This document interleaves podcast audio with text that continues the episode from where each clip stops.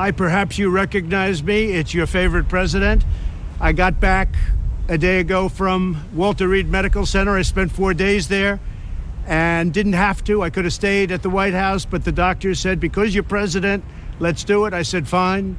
But I spent four days there and I went in, I wasn't feeling so hot.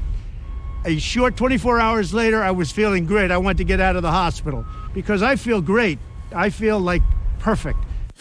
Ja, u hoort president en coronapatiënt Trump... die deze week in een videoboodschap zijn volk ervan verzekerde... dat hij weer in perfecte conditie verkeerde. En dat komt goed uit, want Amerika wil niets liever... dan een sterke, gezonde leider aan het roer. Maar waarom mag een president eigenlijk nooit een dagje kwakkelen? En heeft die onmogelijke eis er wel eerder toe geleid... dat presidenten zich misschien kwieker voordeden dan ze daadwerkelijk waren? Aan tafel zit bij ons Amerikanist Sarah Polak... die eerder schreef over de ziekte bij Amerikaanse presidenten je moet er maar zin in hebben. Sarah, welkom. Wat dacht jij toen je het nieuws zag? Uh, je dacht meteen aan, ja, dit heb ik, ik heb eerder dit soort presidenten gezien. Um, ja, zeker. Dat is eigenlijk wel belangrijk om te melden dat... Um, uh, Trump uh, liegt natuurlijk meer dan de meeste Amerikaanse presidenten. Dus veel uh, statistieken worden daarvan bijgehouden. Maar juist over dit onderwerp, over ziekte en gezondheid... is het eigenlijk de norm voor presidenten om te liegen. Oké, dus hier is hij geen uitzondering. Klopt. En, en, en um, dat gebeurt dus kennelijk vaker... dat lijfartsen, laten we zeggen, een, een president... mooie, mooie zijn gezondheid mooier voordoen dan de werkelijkheid is. Um, welke is er een Amerikaanse president waar je meteen aan denkt? In, nu, ja, die denk, deed het eerder. ik denk zelf natuurlijk altijd meteen aan, aan Franklin Roosevelt... die um, als uh, volwassen polio gehad had... en eigenlijk zijn, de rest van zijn leven post-polio-syndroom had... daardoor een rolstoel gebruikte, niet zelfstandig kon staan en lopen. Hij was eigenlijk verlamd vanaf zijn middel tot, uh, tot zijn tenen.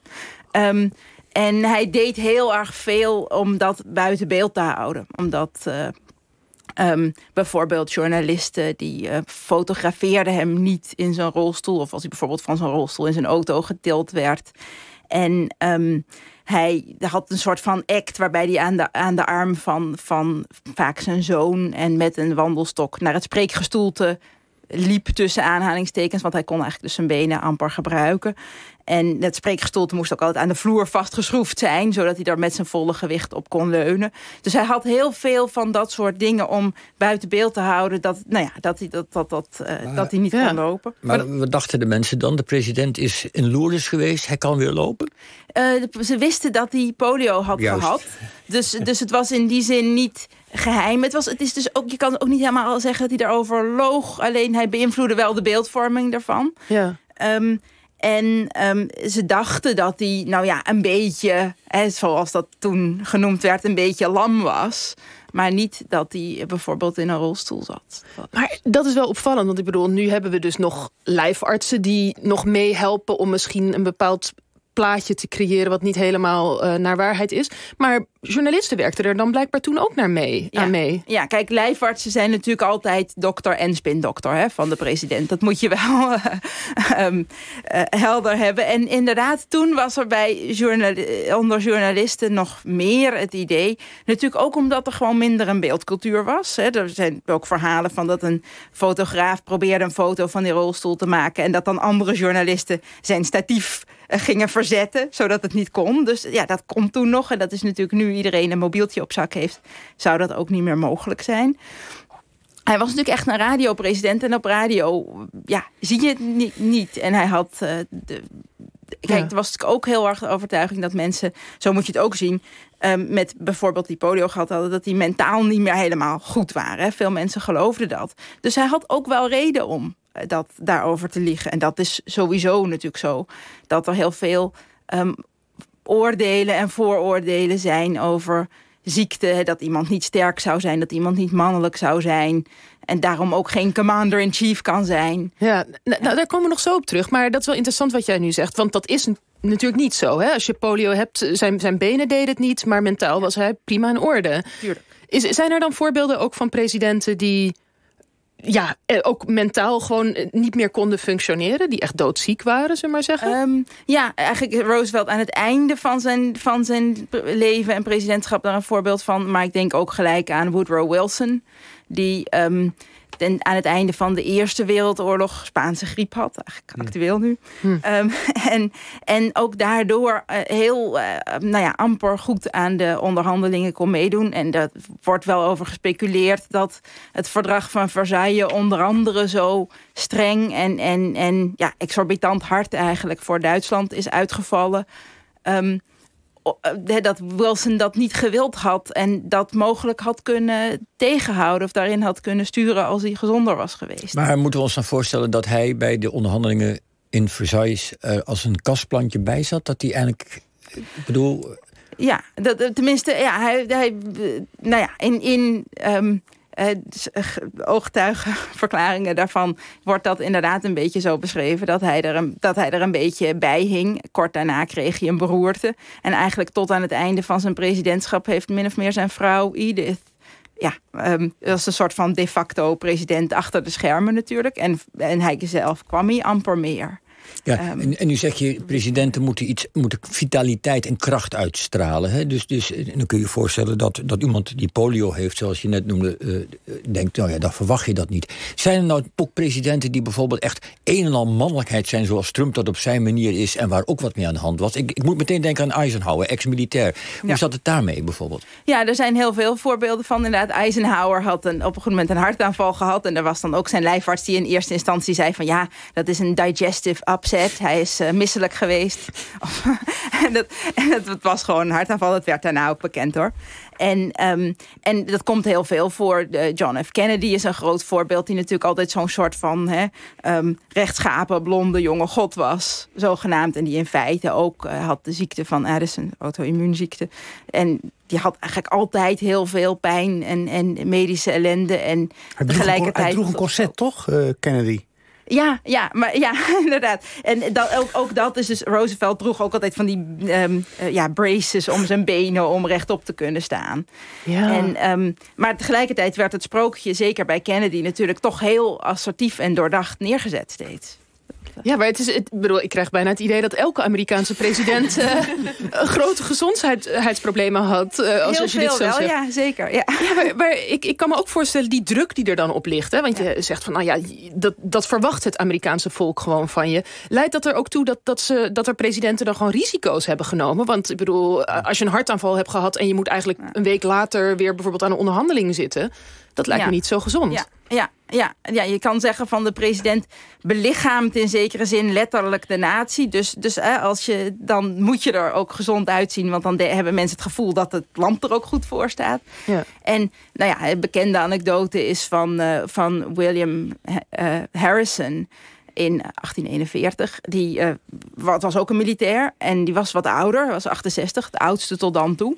En die ging dus dat is al eerder zo, dat, dat, dat is al presidenten op leeftijd hebben. Maar ga door. Ja. En dat presidenten pas laat, op late leeftijd verkozen worden en dat ze dan heel erg moeten bewijzen dat ze, wel, uh, dat ze het wel fysiek aankunnen. Dus die ging, was ook een militair, ging op zijn paard, niet in een koets, maar op zijn paard, zonder jas naar zijn inauguratie.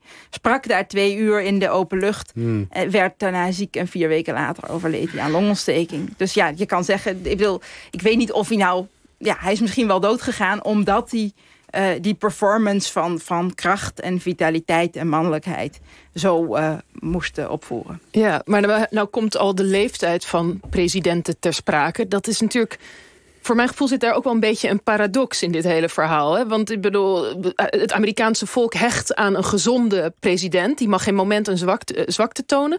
Tegelijkertijd, in ieder geval de afgelopen tien jaar of zo... zien we heel veel presidentskandidaten die toch al eind 60 in de 70 zijn. Ja, ja, Hoe zijn... valt dat met elkaar te rijmen? Ja, dat is inderdaad een beetje een paradox. En er zijn allerlei factoren waardoor dat zo laat wordt. Er is natuurlijk sowieso een cultuur in Amerika van eeuwig doorwerken. En, dus, en, en het is vaak pas voorbij de pensioengerechtigde leeftijd... dat mensen ja, op een positie komen dat ze president kunnen worden. Dat heeft ook te maken met uh, um, hoe moeilijk het tegenwoordig is... om voldoende fondsen te werven daarvoor. Hoe duur het is om überhaupt campagne te voeren.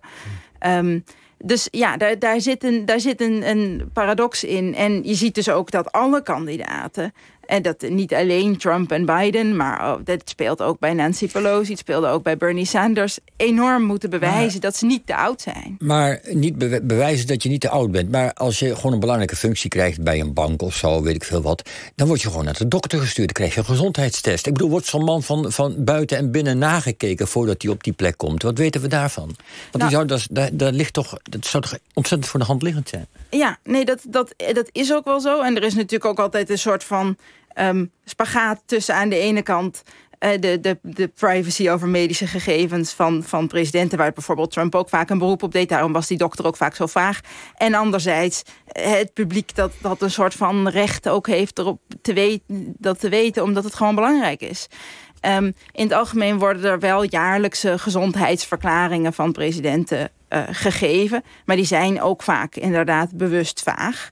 En um, ja, dat, dat is. De, um, ja, wat, dat, dat is gewoon een beetje. Um, dat maakt niet dat je geen president meer kan zijn. Hè. Er is wel sinds de dood van Kennedy eigenlijk een, een amendement in de Constitutie. waardoor presidenten zelf, als ze ziek zijn, tijdelijk hun vicepresident naar voren kunnen schuiven als hè, de man aan het roer. Het is tot nu toe altijd de man geweest. Wie weet verandert dat.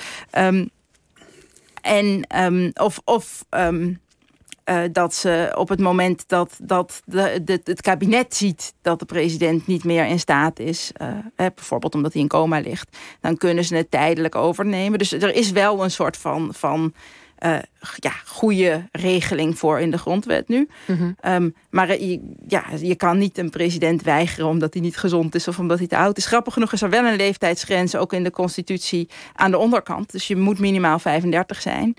Um, maar er is geen bovengrens. Ja, precies. Hey, en, en nog uh, zoals Trump nu met zijn ziekte omgaat. Hè? Je zegt dat dat, nou ja, dat past in een lange traditie, maar tegelijkertijd je kan niet meer alles verborgen houden zoals vroeger. In ieder geval de journalisten die werken er niet meer aan mee.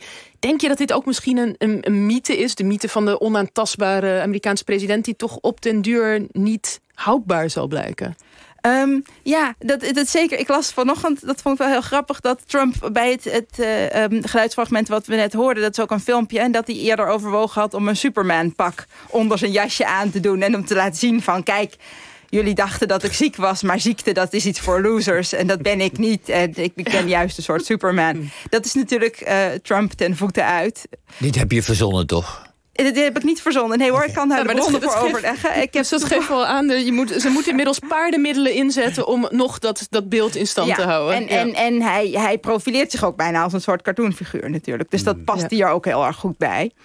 Um, ja, ik, dat, dat is inderdaad... Aan de ene kant wordt het onmogelijke van ze gevraagd... en aan de andere kant ja, stapt iemand als Trump ook zelf heel erg in die mythe. Ja, precies. Oké, nou Sarah Polak, heel veel dank voor je komst en toelichting. Graag gedaan.